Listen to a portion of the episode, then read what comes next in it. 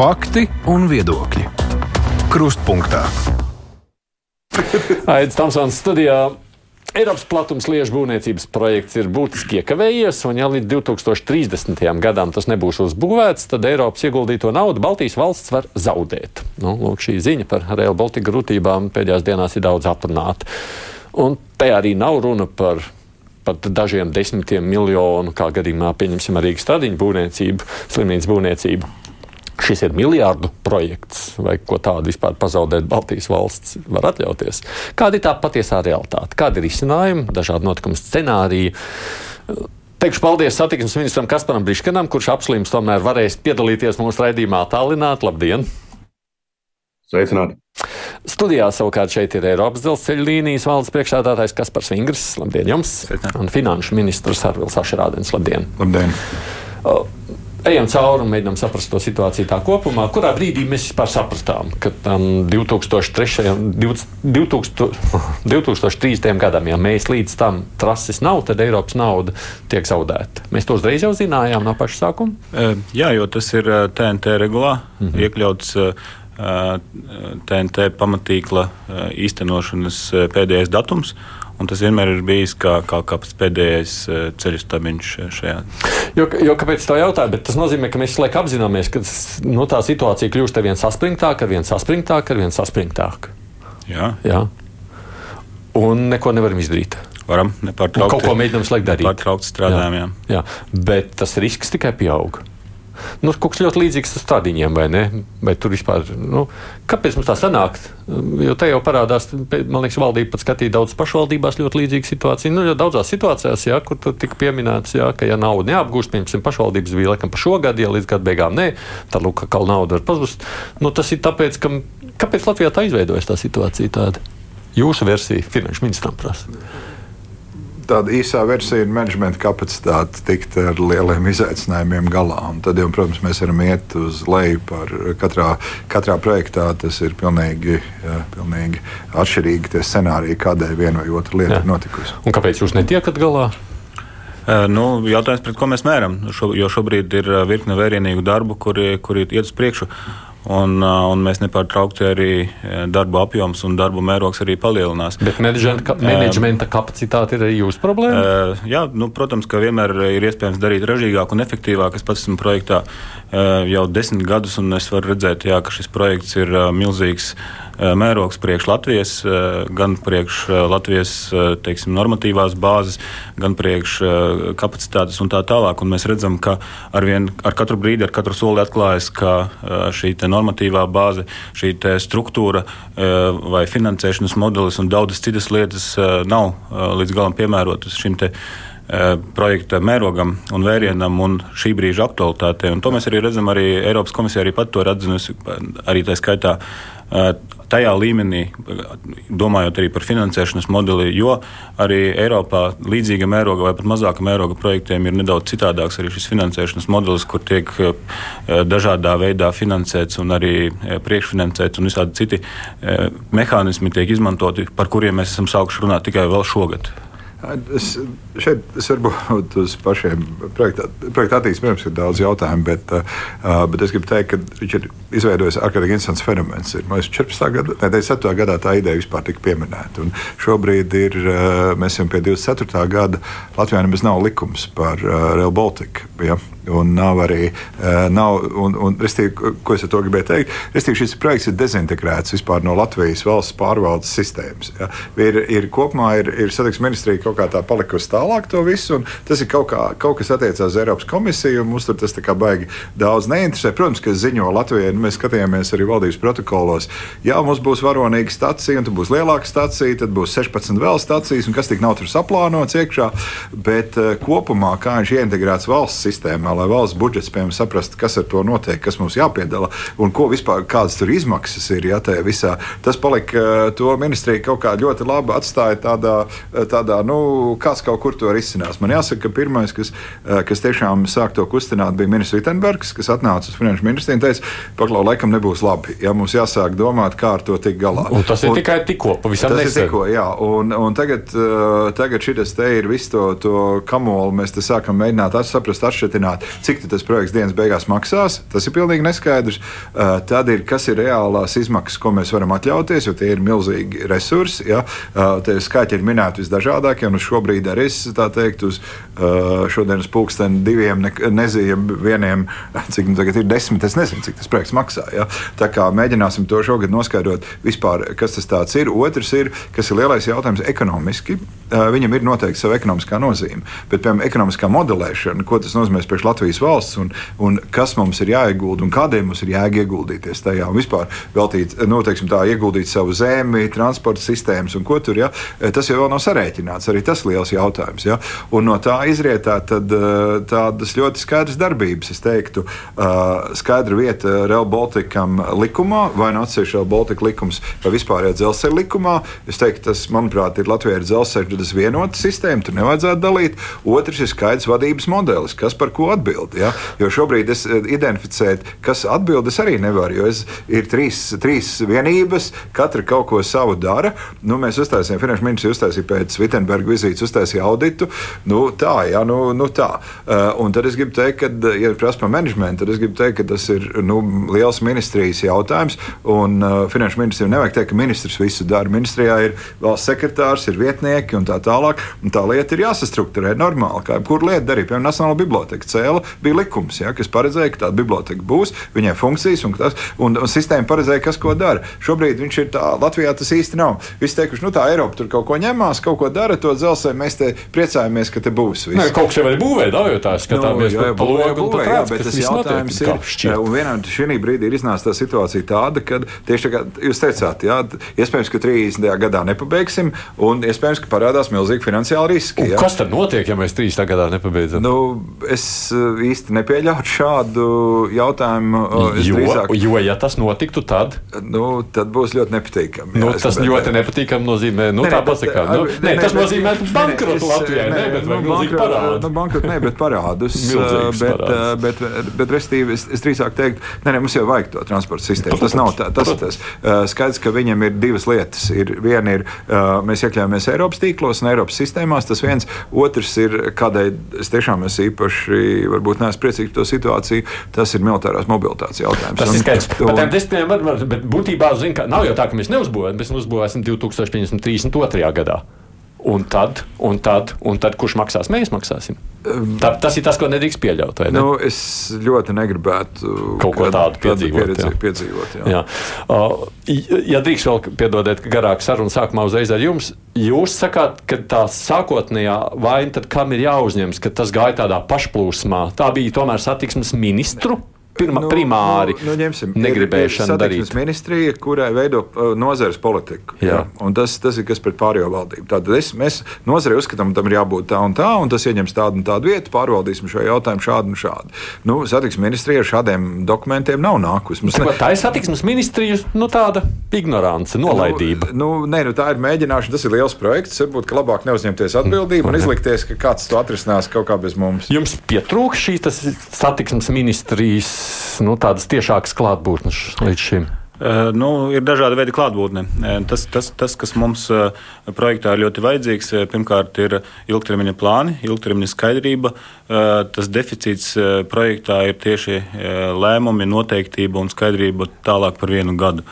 Tas un, ir tas pats, ko uh, Saka jā, Šrādien un- kungs. un, ja? teiksim, šis te arī un šī, šos pamatus iespējams sakārtot patiešām ar, ar, ar fundamentāli uzlabotu eh, normatīvo bāzi, jo šobrīd eh, Real Baltica likums ir tāds dokuments ar tādu nosaukumu, taču tas ir tikai eh, kā specifisku ikdienas problēmu risināšanas rīks, nevis tāda fundamentāls pamats vai jumts projekta pārvaldībai, kur būtu skaidrs gan, ko mēs būvējam, kādā termiņā būvējam, kurš par ko ir atbildīgs, kādā veidā tiek pieņemti lēmumi, kādā veidā tiek kontrolēta lēmumu izpilde, kādā veidā notiek izmaiņu vadība, risku vadība un visas pārējās it kā pašsaprotamās lietas. Nu, jā.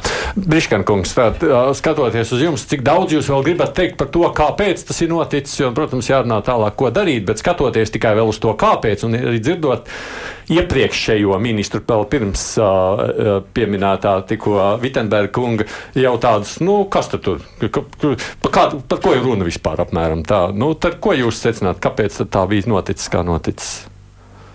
Nu, pirmkārt, es vairākām tēzēm, kas ir izskanējušas, noteikti piekrītu. Tas, kas šobrīd ir noticis, ir tāds atskurbinošs patiesības mirklis. Un nevis tāpēc, ka gaismā būtu nākušas kaut kādas līdz tam nezināmas patiesības, bet tāpēc, ka beidzot šīm patiesībām kuras projekta iekšēnē bija labi zināmas gan attiecībā uz termiņu kavēšanos, gan attiecībā uz milzīgajām pārvaldības problēmām, pie tam visos līmeņos, sākot no ministrijām līdz Baltijas valsts sadarbībai, nacionālajai ieviesēji struktūrām, starptautisko kopu uzņēmumu sadarbību ar, ar tiem, tiem uzņēmumiem, kas piedalās, kas piedalās iepirkumos un tā tālāk. Sadarbojas? Būs mobilais jāizslēdz, un tad varat turpināt runāt. Jā, un, un, un attiecīgi šeit ir jāpaskatās uh, vairākos līmeņos. Pirmkārt, starptautiskā kopuzņēmuma darbinieki jau 19. gadā cēla trauksmi, kura, diemžēl, politiskā līmenī tik lielā mērā noignorēta. Faktiski tā laika ministrs teica, ka projektā nav nekas kritisks. Lai gan tur bija diezgan precīzi jau tā laika problēmas diagnoze. Kurš tas ministrs bija atgādiniet, lai uzreiz zinām?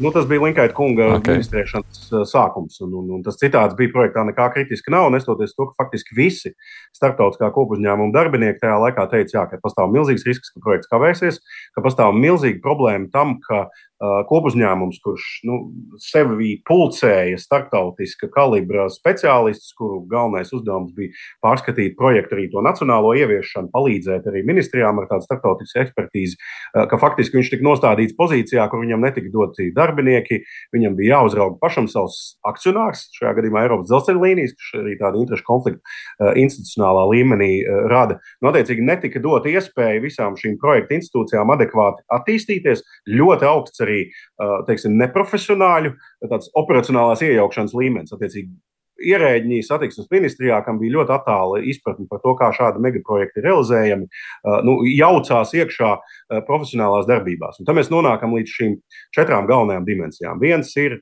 projekts kavējās lielā mērā un, un arī sadārdzinās, tāpēc, ka sākotnējie skiču projekti bija ārkārtīgi neprecīzi. Un tas parāda to, un šie skiču projekti tika izstrādāti nacionālā līmenī, un tas parāda to, ka Baltijas valstīm, visās trīs Baltijas valstīs, turklāt, nebija šāda veida pieredze, šāda veida ātrgaitas sarežģītas dzelzceļa loģistikas infrastruktūras izveidē.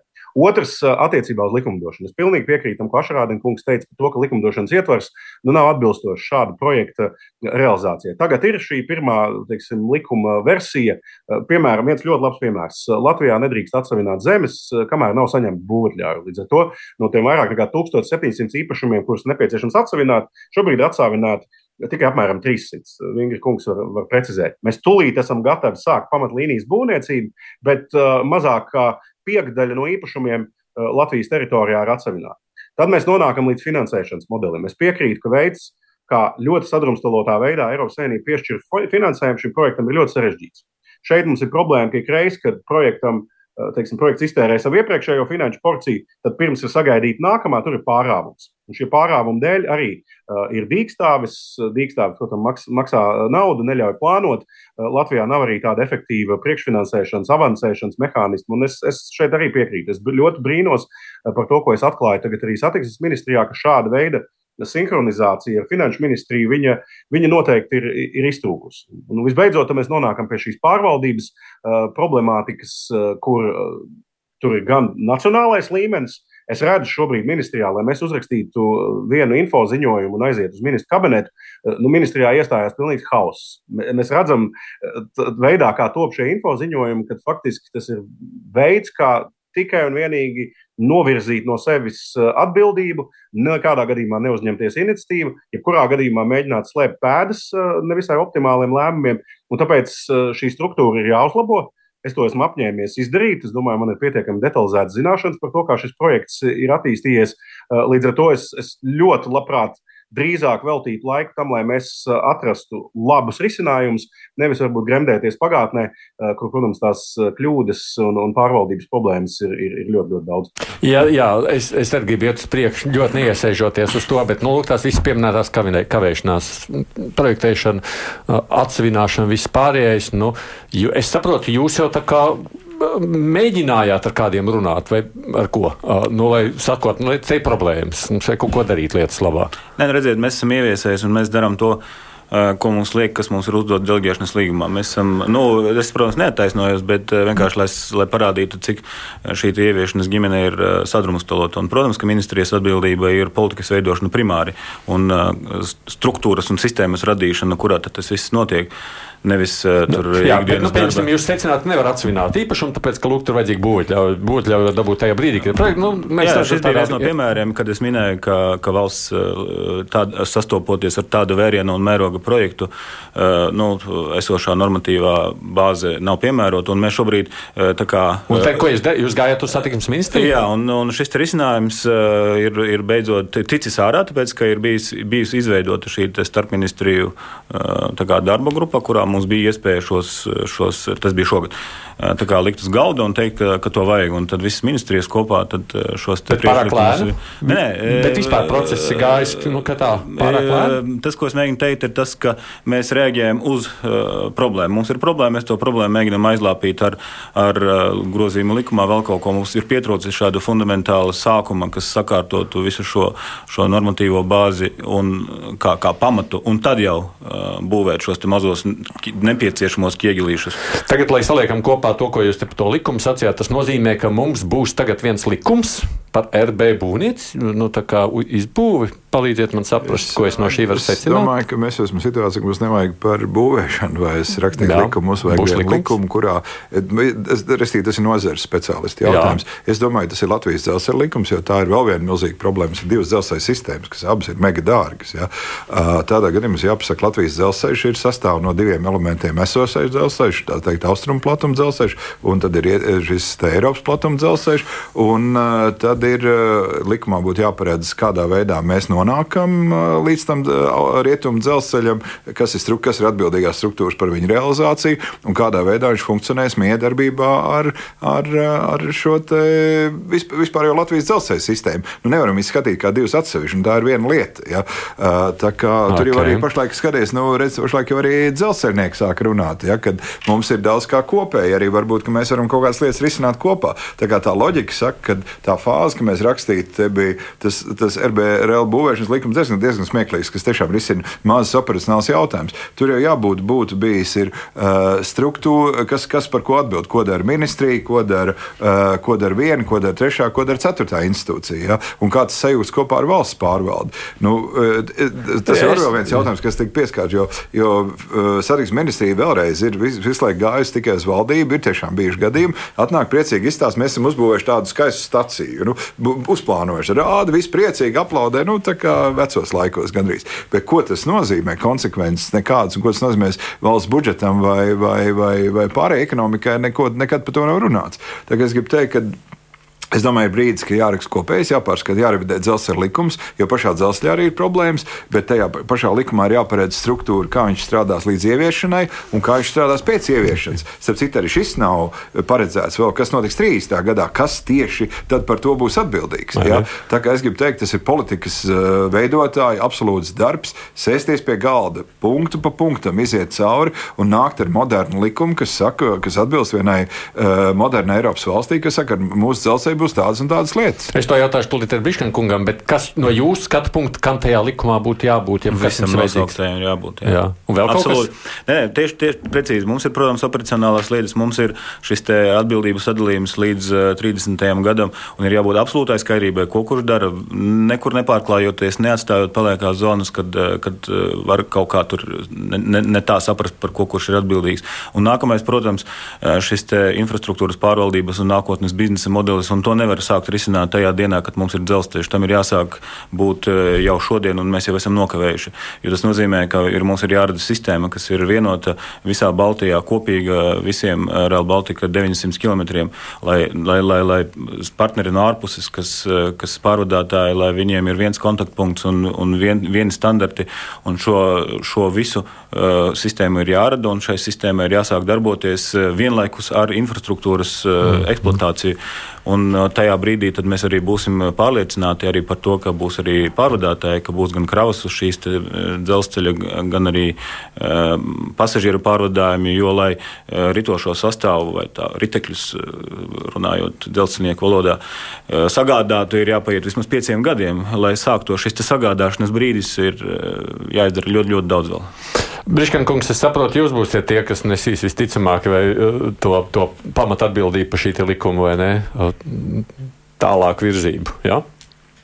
Nu, protams, likums nav panacēja. Likumā, protams, vajag ietvert visas šīs svarīgās lietas, bet sākumā ir jāizveido nu, tāds institucionālais dizains, kādā veidā gan projekta ieviešanas fāzē, un, un paldies arī par akcentu par gatavošanos operacionālajai fāzē. Protams, šobrīd ir, ir, ir sāsināts fokus tieši uz būvniecības fāzi, uz ieviešanas fāzi, un ļoti pamatot, jo tur mēs redzam visus šos milzīgos riskus. Bet mēs patiešām nedrīkstam aizmirst, ka nākotnē šī līnija būs jāoperē. Jūs neatradīsiet nevienu pārvadātāju, ne Baltijā, ne, ne plašāk Eiropā, kurš uh, vēlētos pieredzēt situāciju, ka mums ir tāda pati sadrumstalota nākotnes Real Baltica dzelzceļa sistēma, kāda viņa ir šobrīd uh, platosiežu sistēmā, kur faktiski valstu robežas ir tāda zināma Ķīnas mūri, ir tāda nerakstīta vienošanās, ka viens otru lauciņā neiet iekšā, kas daudzus gadus uh, ir, ir, ir bijusi. Real Baltica ir jābūt vienotai integrētai ekosistēmai, ciešā sazobē ar, ar Poliju, tālāk Eiropas dzelzceļa tīklu, lai šeit var organizēt pārvadājumus gan pasažieriem, gan kravām maksimāli integrētā veidā. Šai sistēmai ir jārunā angļu valodā, tur nevar būt nekādi kaut kādi šķēršļi vai, vai tehnisks nianses, kas neļauj eh, šo sistēmu veidot integrēt. Un tad, ja mēs atgriežamies pie uh, ieviešanas fāzes, uh, šobrīd arī gatavoju informatīvo ziņojumu uz ministru kabinetu, kur mēs piedāvāsim uh, ieviešanas struktūras maiņu Latvijā. Mēs visticamāk veidosim satiksmes ministrijā vienu atbildīgu valsts sekretāru vietu tieši jau Baltika jautājumos. Mēs uzskatām, ka tas ir, nu, ir noteikti jābūt vienam vadošajam operacionālā līmeņa atbildīgajam cilvēkam, jo šobrīd, kad mēs pie galda sasēdinām visas projekta ieviešanas struktūras, no ierēģiem līdz nacionālajiem ieviesējiem, līdz starptautiskam kopuzņēmumam, jūs tur neatradīsiet līderi starp viņiem.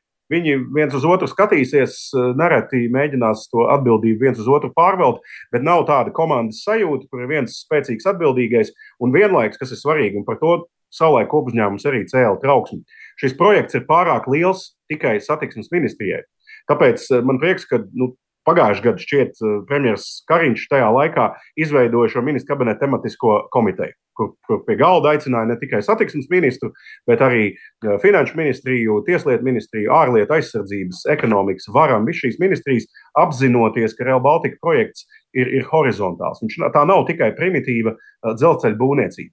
Protams, ka pagāja daudz gadi, kopš šāda veida tematiskā komiteja tika izveidota. Es esmu noteikti apņēmības pilns šādu komiteju vadīt uh, un nodrošināt, lai pie galda arī politiskajā līmenī sēž uh, vairāk resoru vadītāji, nevis tikai satiksmes ministrija. Un tieši tāpat arī tajā nākamajā līmenī, praktiskās ieviešanas līmenī, mums ir nepieciešams gan satiksmes ministrijā daudz profesionālāk, kompetentāk šī projekta pārvaldība, gan arī šī sazobe ar nacionālo ieviesēju, ar starptautisko kopuzņēmumu. Meklējuši arī risinājumus, lai novērstu šo situāciju, kad um, Eiropas dzelzceļa līnijas uh, ir akcionārs kopuzņēmumā, un vienlaikus šis kopuzņēmums uzrauga pats savu akcionāru tieši šajā kritiskajā būvniecības fāzē. Nu, tas ir skaidrs interešu konflikts, uh, kurš traucē veidot normālas uh, attiecības un, un attiecīgi virzīt projektu uz priekšu. Es mm -hmm. zinu šos izaicinājumus, esmu gatavs viņiem ķerties klāt.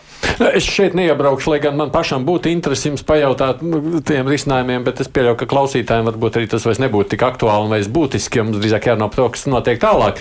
Tas, ko droši vien līdz šim klausoties, es domāju, Bāc. Mēs jau, jau būvējam, jau tur lidostā un šeit Rīgā, un viss notiek, un mēs tā runājam par lietām, kurām bija jābūt pašā sākumā, vai ne? Nu, pēc idejas. Nu, šis ir tas stāsts, kad pa priekšu būvē māju, un tad sāk meklēt, vai nevar uztaisīt projektu mājai, apmēram tā. Nu, var būt, ka es alojos, bet mazliet uz to pusi velk. Nu, man šķiet briesmīga saruna no tāda skatu punkta. Bet laika jau vairs nav tas laiks spiež. Tāpēc, gribu vai negribu, tagad būs gan jābūvē, gan jāprojektē reizē. Nav jau vairs cita ceļa, vai ne? Jā, un, un reizēm jau nāk klāt ļoti daudz tādu saskarnes jautājumu. Piemēram, jau teicu, mēs runājam šeit par pārējo dzelzceļu. Mums jau eksistē viens dzelzceļa tīkls, tad ienāk jauns iekšā, un tad jāsaprot, kur kas kā miedarbosies un tā tālāk. Un kas paliek pāri no vecā un kas kā jaunais to nomaina. Un tad parādās mums vēl viena dimensija. Mums ir Uh, tie paši. Atcerieties, tagad tikko uzcēla diezgan veiksmīgi ķekavas apveceļu, jaunu ceļu. Uh, tagad uh, par Latvijas valsts autoceļu plāno vēl divus uh, apveceļus, tātad Piecavu un Bausku. Ja? Tas būtu tā kā, lai tiktu ārā jā, uz, jā, ātrāk tiktu jā. ārā uz Lietuvas robežu. Nu, lūk, uh, tagad mēs bērsim vienu uzbērumu ārā uz Lietuvu, izjot tas būtu Real Baltica. Ja? Uh, Un iespējams, ka mēs varam nebūvēt divus vēl apveceļus ap divām pilsētām, bet iespējams, ka mēs varam no ķekavas apveceļa izbūvēt uz tā paša uzbērumu, uzlikt vēl šo seju, kas iet ātri ārā uz izvedu ārā uz robežu. Ja? Un neapgrūtināt ne Bausku, ne Iecavas ar tādu mega transporta plūsmu, kā viņi ir tagad. Un, un, šidējā, un tas ir baigi svarīgi, jo restīvi šāda vienota uzbēruma veidošana un ātra līnija, kas iet ārā, ļautu to izdarīt daudz izmaksu efektīvāk.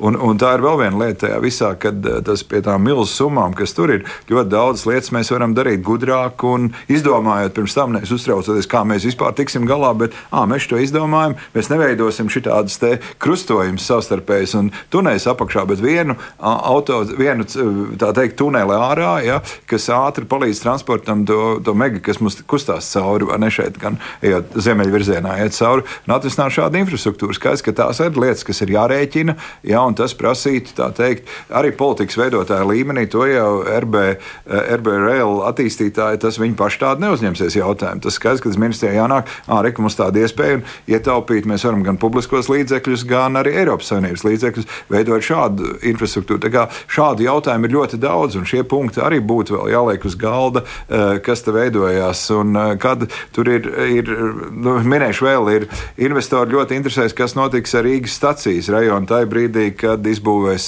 Eh, būs jauna starptautiska eh, teikt, stacija. Ja? Tad ir kas notiks ar mazajām stacijām. Tur ir, nezinu, kā ir tagad ieplā, iet, ieplānots gan arī 16 stacijas. Īsti nezinām, kas tiek ar vilcieniem. Tur būs jau ātri vilciens, noteikti nestāsies 16 stacijās. Ja? Bet atkal, ja tas notiek, tad kas, ko tas nozīmē vietējām pašvaldībām? Tā arī ir jauna ekosistēma veidojas. Ja? Tā kā tās ir lietas, kas būtu visas jārunā, un mēs pašlaik esam tādā, kā to vadīt jautājumā, nevis kā labāk izdarīt. No, Jā, tā ir tā problēma. Uh, ejam uz priekšu. Atgādinu tikai Arvils Ašrādens, finanšu ministrs, Kaspars Briškens, satiksmes ministrs, Kaspars Vingrs ir Eiropas dzelzceļa līnijas valdes priekšsēdētājs. Raidījums Krustpunktā. Un tad ir tas, kurš ļoti tie steidzamie jautājumi, jautājums, ko mēs vispār varam izdarīt līdz tam 30 gadam. Noteikti parādījies publiski, tiek runāts pie astoņiem variantiem, ko jūs zināt, Vingrkungs? Variantiem vai miljardiem? Ne variantiem šobrīd. Ko darīt, ko var izdarīt līdz 2030. gadam? Variants ir tas variants, kur, par kuru ir lēmusi 14. gadā vai 16. gadā īstenībā 14. izstrādāts ministru kabinets par, par, par Rail Baltica funkcionalitāti, izvietojumu un, un tā tālāk. Tas, par ko mēs varam runāt, kā šo, šo ieviest varbūt pakāpeniski un kaut kādu no funkcionalitātes elementiem no nu būvēt, atlikt vai optimizēt. No nu jā. un tur to, ko var izdarīt steidzami, pareizi atceros astoņi varianti. Nezināt. Nezinu. To strādā RBL? Ko tad jūs zināt? Mēs zinām tikai to, ka jāstrādā ir šobrīd, pirmkārt, ir jāturpina iesāktie darbi, un, un tur nevienā no variantiem mēs nevaram apstādināt iesāktos darbus, un kas vēl svarīgāk, ir jāsāk darbi ārpus Rīgas. Un tas ir tas virziens prioritārais, kurš nemainās nevienā no astoņiem vai mm. jebkāda skaita variantiem, proti Lietuvas virziens vienmēr būs Lietuvas virziens, un būdurbu sākums vienmēr būs savienot Lietuvas robežu ar Rīgu, un tas ir tas, tas, par ko mums ir pilna pārliecība, un mēs esam pilnīgi droši, ka ne pie viena no lēmumiem nevarētu mainīties šis fokus un Jā. prioritāte bet... uz šo būvdarbu apjomu, kas šobrīd ir tajā pirmajā pasūtījuma pakā. Bet mēs zinām to, ka tā tad tiek strādīts, ko var paspēt šajā pirmajā pakā izdarīt, un tad to izlems kāds, nezinu, kur viņš sēž. Kaut kur. Jā. Ministrija valdība ministrija valdība. Ministrija valdība beig beigās pateiks to, ko var, ko nevar. Ej, palīdziet man tagad saprast, droši vien Briškankungs, tas jautājums jums. Kas tagad ko spriež, ko var izdarīt, ko nevar izdarīt, ko būvējam pa priekšu, ko varam atlikt? Kurš tad to lēmumu šobrīd beig beigās pieņem? Es pirms uh, dažām nedēļām biju Briselē, kur es tikos gan ar transporta komisāru, gan ar uh, Eiropas komisijas viceprezidenta, kas arī pieskata mūsu pašu valdes Dombrovskis, kas pieskata investīciju uh, projektus. Tas, ko mēs esam konstatējuši, ka, protams, ņemot vērā šos uh, nu, nu jau tagad arī atklātībā nākošos faktus par to, ka investīciju vajadzības ir ļoti, ļoti būtiski pieaugušas, tad tas, kas šobrīd notiek, uh, ir scenārija analīze. Tas pat nav svarīgi, vai tas ir 7, 8, tā vienkārši ir scenārija analīze dažādiem scenārijiem, uh, kas ir tas projekta apjoms, tas tvērums, ko ir iespējams izdarīt līdz 2030. gadam par summu, ko Baltijas valstis kopā ar Eiropas Savienību var atļauties. Bet svarīgi ir tas, ka attiecībā uz finansējumu pēc 27. gada, kad sākās jaunais Eiropas Savienības uh, septiņgadus finanšu ietvars, šobrīd mums informācijas nav. Mēs varam tikai spekulēt. Mēs redzam, piemēram, ka Eiropas Savienība plāno uh, atbalsta fondu mūsu draugiem Ukrajinā 50 miljardu apmērā. Tas, protams, rada papildus spriedzi uz investīciju pietiekamību, pieejamību tādiem projektiem kā Real Baltica. Mēs redzam, ka mums 2025. līdz 2027. gadam strauji krīt investīciju pieejamība, jo, jo beidzās šis pašreizējais septiņgadus eh, posms, un eh, mēs redzam, ka tur nepietiks nauda, lai pilnīgi visu, ko mēs esam iecerējuši, uzbūvētu. Līdz ar to tas ir tāds optimizācijas vingrinājums šobrīd visiem, faktiski visos līmeņos, ar Eiropas partneriem, eh, Baltijas līmenī, Latvijas līmenī, lai mēs saprastu, kas ir tas, ko mēs uzbūvējam vispirms. Vienlaikus ir jāpasaka, ka jebkurš no šiem scenārijiem ir ļoti ambiciozs pat uz 2030. gadu. Bet nu, vienlaikus ir skaidrs, ka Eiropas Savienība visu tentē pamatīgu infrastruktūru, tā skaitā šos uh, pamatīgu koridorus, viens no kuriem ir Real Baltica, noteikti neuzbūvēs līdz 2030. gadam. Bet mums ir svarīgi visiem mobilizēties, lai paspētu nodrošināt šo ziemeļu-dienvidu funkcionalitāti no Tallinas līdz pat Polijas robežai uh, līdz 2030. gadam. Un man šeit ir viens kritisks nosacījums. Manuprāt, Real Baltica bez Rīgas nav Real Baltica. Līdz ar to mums ir jādara viss, lai šajā pirmās fāzes tvērumā mēs ietvertu integrāciju ar Rīgu. Un šeit faktiski tā lielākā izvēle, Vingra kungs jau precīzi akcentēja, ir jādemonstrē būvdarbi šajā reģionālajā, reģionālajās pamatlīnijas daļās, attiecīgi uz dienvidiem, kur mums jau ir uh, būvatļaujas ne visas, bet, bet vismaz ir dažas pieejamas, un arī ziemeļvirzienā. Un tad mēs, protams, demonstrēsim arī mūsu Eiropas partneriem, palīdzēsim arī uh, Baltijas ministru prezidentiem, kas nākamgad, aiznākamgad sāks runāt par šo nākamo septiņu gadu finanšu perspektīvu. Ka redziet, Real Baltica tiek būvēta, progress dabā ir acīm redzams, un, protams, paralēli domāsim, kā integrēt Rīgu. Un šeit ir ļoti svarīgs aspekts. Mēs lielākoties esam koncentrējušies līdz šim, arī politiski, tikai un vienīgi uz šo Eiropas Savienošanas instrumentu grantu finansējumu. Bet šis ir tas brīdis, kad mums ir jādomā par visiem finanšu avotiem, par militāro mobilitāti, atjaunošanas noturības mehānismu, par privātās publiskās partnerības iespējām, koncesiju iespējām, aizņēmumu iespējām. Ir jākombinē, jāskatās, kuros elementos, zinot, piemēram, ka staciju būvniecībai visticamāk Eiropas Savienība naudu vairāk nedos. Līdz ar to šeit ir skaidrs, ka ir jāsāk meklēt alternatīvu finansējumu, lai kombinējot šos dažādos finansējumus, tā skaitā šos lielos grantus, mēs varam kopumā nofinansēt tādu veidu koridoru, kas Latvijai ir izdevīgs. Bez Rīgas nav Real Baltikas Latvijai. Kurš beig beigās, ja tā runājam par šo Eiropas naudu, kurš tad pieņems to lēmumu, gala lēmumu, kurā brīdī kas būs, kas nebūs?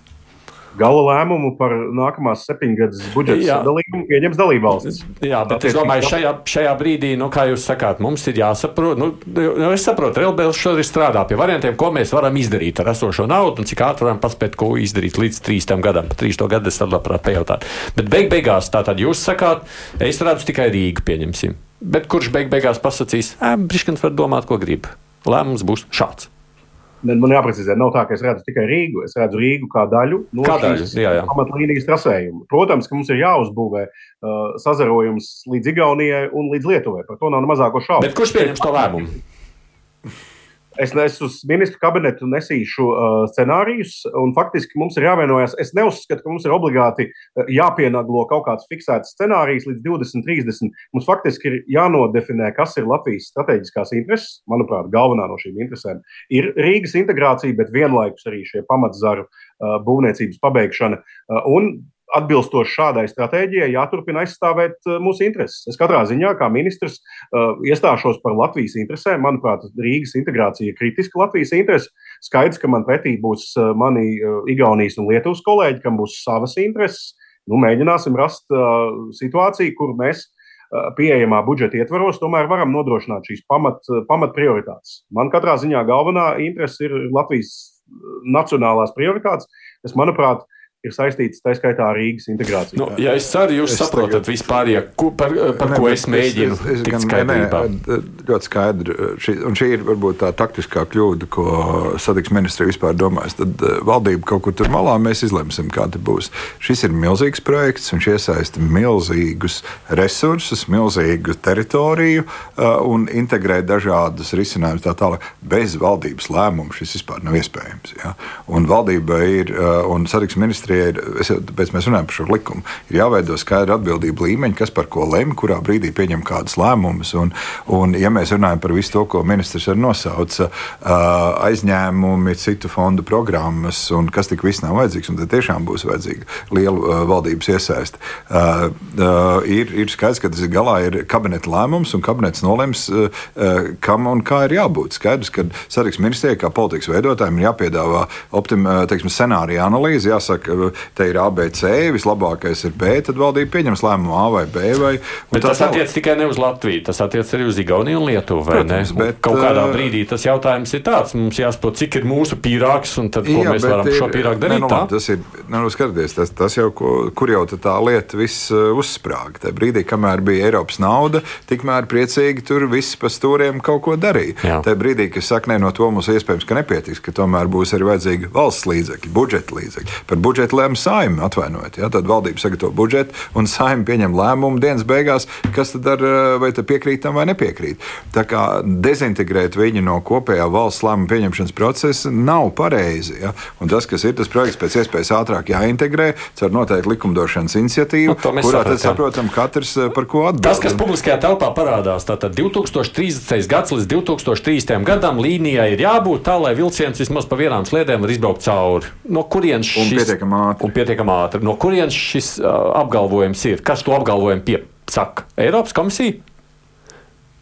Pastāv. Kurš man var atbildēt? Kāpēc? Nu, šis, šis, šis, protams, izriet no, no šajā Rail Baltica projekta ieviešanas lēmuma, kas ir Eiropas komisijas lēmums. Izriet arī no TNT un Eiropas Savienošanas instrumentu regulām. Es negribu, protams, skatītājs nogurdināt ar, ar atsaucēm uz Eiropas regulām, bet ir šī vienošanās Eiropas Savienības līmenī, ka šie TNT, kas ir Eiropas strateģisko transporta savienojumu tīkls.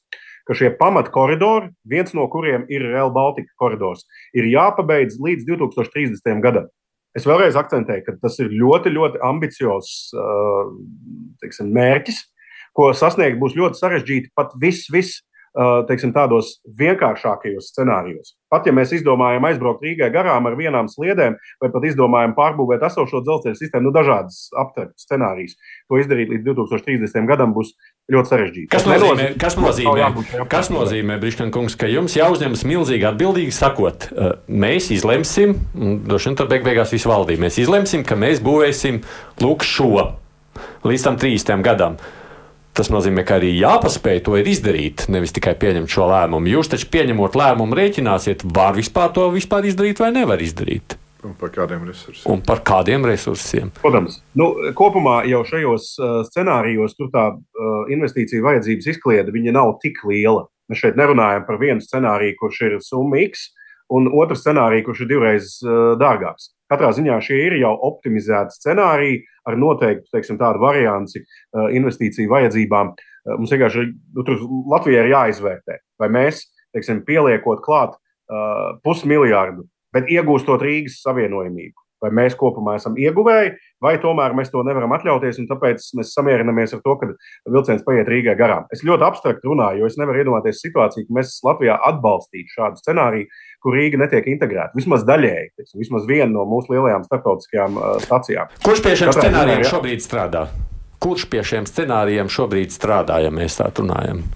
Šobrīd ir kopuzņā, starptautiskā kopuzņēmuma paspārnē darbojās starptautisks konsultants, kas veic izmaksu iegūmu analīzi, jeb aktualizāciju, tā izskaitā šo investīciju vajadzību aktualizāciju, nu, un attiecīgi paralēli tam veido arī šos optimizētos uh, scenārijus. Tas ir process, kas tuvākajā laikā noslēgsies. Tad šis process ļoti precīzi atbild uz, uz jautājumu, ko iepriekš Ašrādena kungs uh, vaicāja. Uh, projektam ir pozitīva izmaksu iegūma analīze. Attiecīgi, pat visā tvērumā, kas, protams, ir ārkārtīgi dārgs un Eiropas pašreizējā budžeta ietvarā nevar atļauties visu to izdarīt līdz 2030. gadam, bet pat pie šī maksimālā tvēruma projekta ekonomiskais ieguvums ir pozitīvs.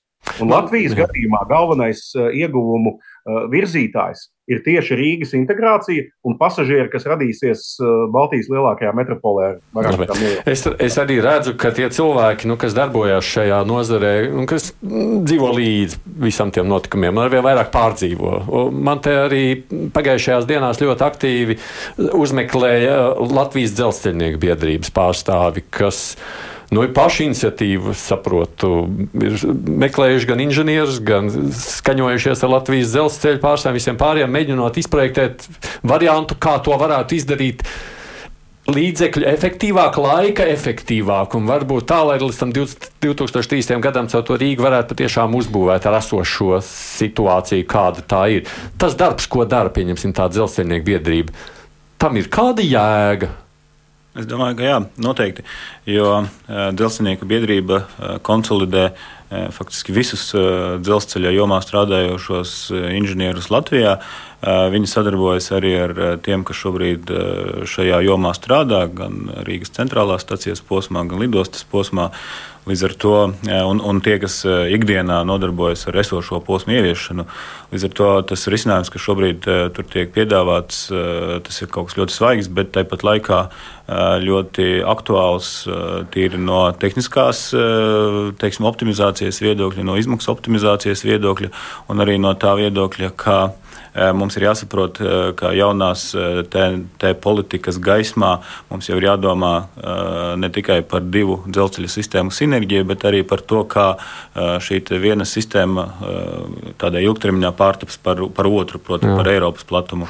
Un līdz ar to veicot šādus jau saulēcīgus optimizācijas manevrus, iespējams, ir, ir kaut ko, kaut ko optimizēt gan tehniski, gan laikā, gan arī, gan arī finansiāli. Nu jā, bet, nu, lūk, un tad ir doma par to, kas varētu notikt pārdaugavā, lai tā būtu viena līmeņa, kā tur varētu sajiet kopā šīs lietas. Bet, nu, lūk, viņi strādā. Bet, uh, Bet tā laika ir maz, un tad tur ir viens RBL eksperts, kurš jau būs izstrādājis savu scenāriju un nāks ar savām idejām, kur viņi ar šo savu piedāvājumu to vispār vērts, nav vērts izvērtēt. Nē, nu, kas notiek ar tādu? Viņi atnāk pie jums, izstāsta jums, jūs, nu, labi, jūs. Nu, šobrīd šim posmam uh, ir paredzēts uh, jauns. Uh, iepirkums visam posmam, kurš nav noklāts. Jo patreiz mēs runājam par Rīgas centrālās stācijas posmu, kas ir 2,5 km, Rīgas posmu, kurš ir 4,5 km un 220 km ārpus Rīgas, no robežas līdz robežai. Bet vēl joprojām ir nenoklāti posmi, un, un, vis, un te, šie te nenoklātie posmi pamatā ir šie kopīgie ar esošo Latvijas dzelzceļa sistēmu, šis Rīgā ieiešanas un iziešanas koridors. Un, un šajā koridorā, tad, eh, kā reiz eh, vietējie speciālisti vislabāk var saprast, eh, uz ko tieši ir Latvijas dzelzceļš, teiksim, nemazinot savu kapacitāti un funkcionalitāti, gatavs un tā tālāk. Līdz ar to šis ir tas sarežģītākais, kuram tāpat būs jāveic jauns šis iepirkums, un tā ietvaros mums būs skaidri jādefinē šī iepirkuma nosacījumi, tvērums un tā tālāk. Līdz ar to, un es nedomāju, ka šis varētu būt pretrunā ar kādu no paralēlējiem scenārijiem. Tas var tikai papildināt un uzlabot jebkuru no scenārijiem. Uh, uh, Briškankungs, nu, lūk, pieņemsim. Es saprotu, tie lēmumi jāpieņem ir ātri, vai ne? Un tad jūs nevarēsiet kavēties ilgi. Nu, lūk, te pieņemsim viens tāds piedāvājums un risinājums. Viņi nāk pie jums, klauvē, un ko jūs tālāk ar visu to darāt? Sakāt, nedz, te lūk, ir viens variants, ko darīt. Nu, Šeit parādās tāda strateģiska dilemma. Es atsaukšos arī uz to, ko Ašrādēna kungs minēja par, par šo dienvidu trasi un iespēju uh, ieceltas un bauskas apceļus organizēt Real Baltica koridorā. Kopumā es, esmu, es atbalstu to, ko es saucu par vienas lāpstas principu. Mēs veidojam milzīgu nodalījumu joslu, Real Baltica dzelzceļš, ceļu infrastruktūra, digitālā infrastruktūra, pie tam gan kabeļu kanalizācija, optiskās šķiedras platjoslas kabeļiem, 5G torņu infrastruktūra enerģētikas starpsavienojumi. Šis ir infrastruktūras koridors, kur mēs, protams, vienlaikus, un tam ir milzīga, protams, līdzekļu ekonomija, vienlaikus šajā koridorā varam ielikt dažādu veidu infrastruktūras uh, savienojumus. Par šo ir runāts daudzus gadus. Politiski uh, pirmā atsaucība, kas ir parādījusies, ir tagad, kad ir nu, histērija par to, ka Real Baltica ir tik ļoti sadārdzinājusi. Beidzot, cilvēki ir ieinteresēti kaut ko optimizēt. Bet par šīm idejām ir daudz runāts, un daudzas no šīm idejām nu, visticamāk jau ir nokavēts. Skaidrs, ka mēs šobrīd strādājam pie dažāda veida optimizācijas risinājumiem pārdagavā. Tas nav vienkārši, jo tas jau nav tikai par sliežu ceļu, tas ir arī par dažādām signalizācijas sistēmām, par kontaktīkliem, kur Latvijas dzelzceļam ir viens, Real Baltikai būs cits. Es noteikti atbalstītu kādu veidu optimizācijas, kas, kas varbūt mazina šo, šo divu tīklu izolētību. Mums ir kā vienā, faktiski vienā nodalījuma koridorā ir divas infrastruktūras, bet viņas ir, ir, ir absolūti izolētas. Un, protams, ka mēs runājam par, par pusmiljardu dārgiem tuneļiem, tad tajā brīdī pēkšņi parādās loģika domāt par dažādām esošo uh, plato sliežu konvertēšanu uz Real Baltica.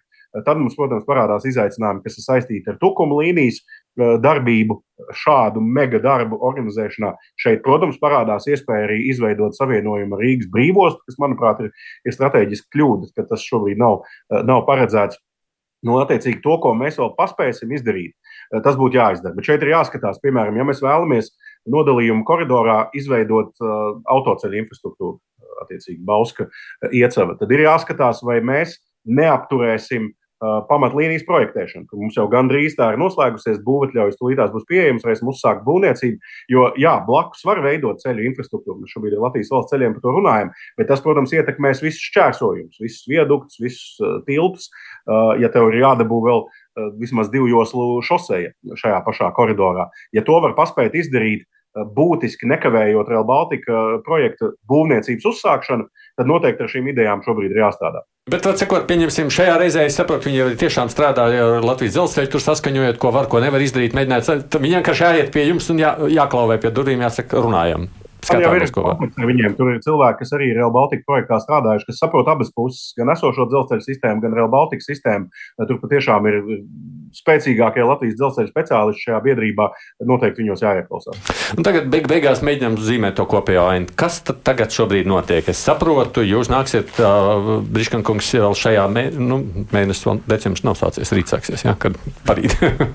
Cik decembrī nāksiet tulītās ar ziņojumu par to, kāda ir tā reālā situācija kas ir pirmais, tātad tiek mainīta kaut kāda pārvaldības. Nu, kas ir tas, izstāstiet nākotnē, tuvāko secību, kas notiek šajā projektā? Šobrīd mēs plānojam, ka 12. decembrī ministra kabinetā tiks skatīti divi informatīvie ziņojumi, viens no kuriem jau šobrīd ir saskaņošanas stadijā. Tas ir saistīts ar Real Baltica Latvijas pamatlīnijas būvniecības līguma noslēgšanu.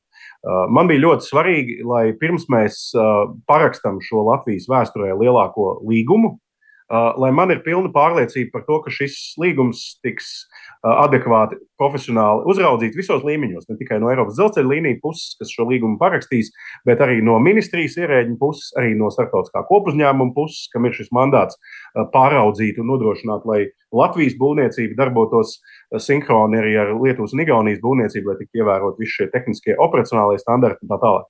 Tas ir tas pirmais uzdevums, lai mēs vairāk nekavētos ar pamatlīnijas būvdarbu uzsākšanu. Un paralēli šim ies plašāks informatīvais ziņojums, kas būs saistīts ar šiem scenārijiem vai Latvijas strateģisko interešu definēšanu, pieejamajā finansējuma apjomā un vienlaikus pārvaldības izmaiņas. Tur es piedāvāšu gan aktivizēt šo ministru kabineta komiteju, kur iesaistīsies dažādi nozaru ministri. Es esmu pats gatavs šādu komiteju vadīt. Viņa tiks arī izveidota. Un otrs ir, protams, šis operacionālais līmenis, kur mēs veidosim jaunu štata vietu ministrijā tieši Real Baltica projekta koordinācijai.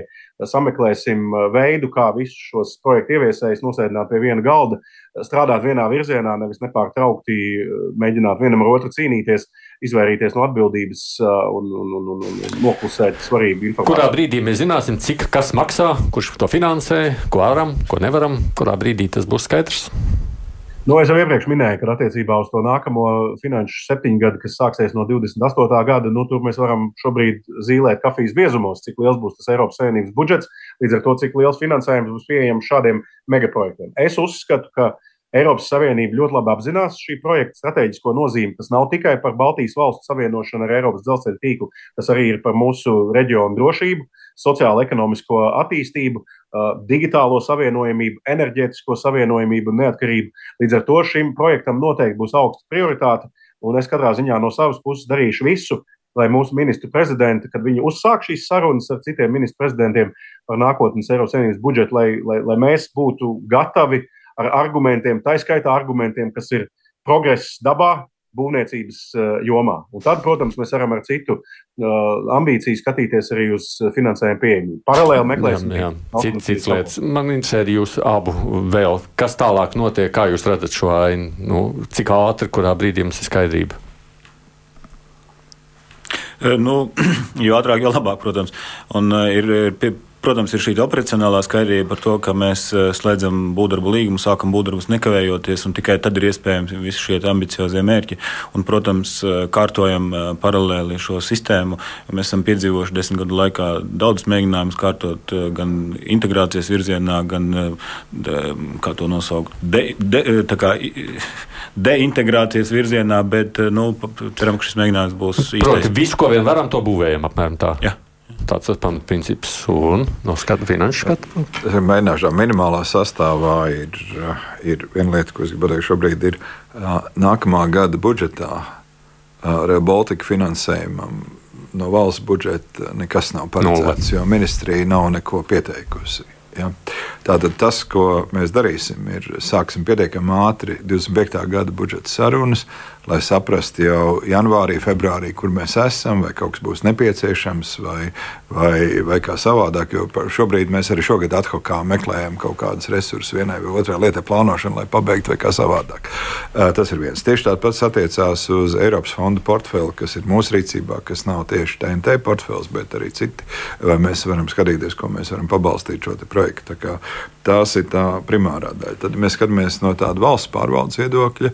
Mums ir pēc iespējas ātrāk jāsaprot vairākas lietas kas ir ekonomiskā ietekme šim projektam. No tā izriet valsts pieeja vispār šim jautājumam. Šim mēs, līdz šim mēs to mēs esam skatījušies no Eiropas komisijas, tur kaut ko finansē ļoti jauki, bet uh, tas ir dezintegrēts bijis no kopējām valsts nu, finansēm. Tā Tātad, saprotot to, kāda ir ekonomiskā ietekme un kāda ir ieguvuma, mēs sapratīsim, kādā veidā mēs varam to sākt integrēt ar kopējiem valsts plānošanas dokumentiem.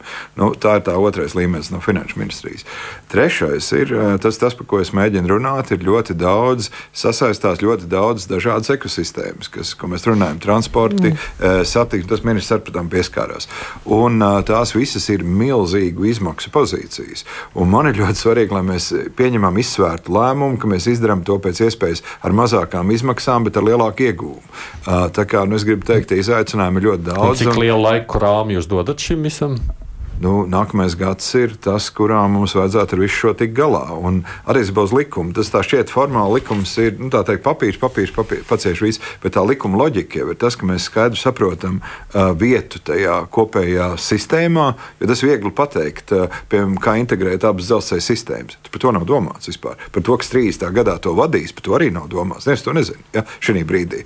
Un, un tad ejam apakaļ. Uh, katra tā lieta, kas to būvēs, kādā veidā, kā tās sistēmas miedarbos darbosies un kas par to atbildēs vienots modelis. Tagad es gribu teikt, ka daudz svarīgāka lieta ir to izdomāt gudri. Ja? Tiešām tā teikt, vienai, tā teikt kā tas ir septiņreiz mēri un tad griezi. Ja? Un, nu, tās, mums tagad tas laiks nākamajam gadam ir tā mērīšanām, septiņām, un tad, tad gan iet uz priekšu, jo līdz 30. gadsimtam pavisam tuvu. Būs 30. gadā.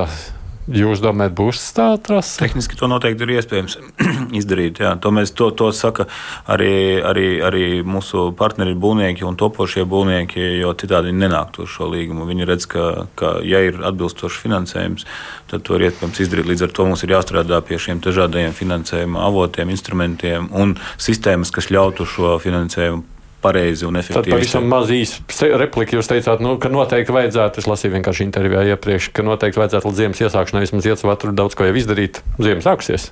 Nu, kā teikt, konteineru pilsētu ir iespējams taisīt, ir iespējams taisīt arī ziemā. Un, protams, ir sākušies šie arī atmežošanas procesi jau tagad. Tas tur notiek, un līdz ar to sagatavošanās darbi notiek pilnā spārā, un, un pietrūks tikai būvnieks. Es jums pateiktu, viena lieta ir, ja nepieciešama mobilizācija. Jā, ļoti īsi, ja nepieciešama mobilizācija. Šitā mums gāja robeža arī. Tur gadiem ilgi, un tad tomēr tomēr valdība ļoti skaidri nolēma, ka viena gada ja grib, tad var, šī gada beigām Baltkrievija, nākamā nu, gada Krievija un EFTA grafikā. Arvils Ašrādens finanšu ministrs, Kaspars Briškens satiksmes ministrs, Kaspars Vingrs, Eiropas dzelzceļa līnijas valdes priekšādātais. Paldies, ka atnācāt šeit, izstāstījāt to situāciju. Nu, traka man tā šķiet. Rīt šeit būs zemkopības ministrs Armans Kraus. Tā ir tā iespēja, ka vienmēr žurnālistu klausītāji kādu ir zveicāt zvaniet un rakstiet arī savus jautājumus. Producenti jau zvejas, tad jā, biju es, Aidis Tomsons.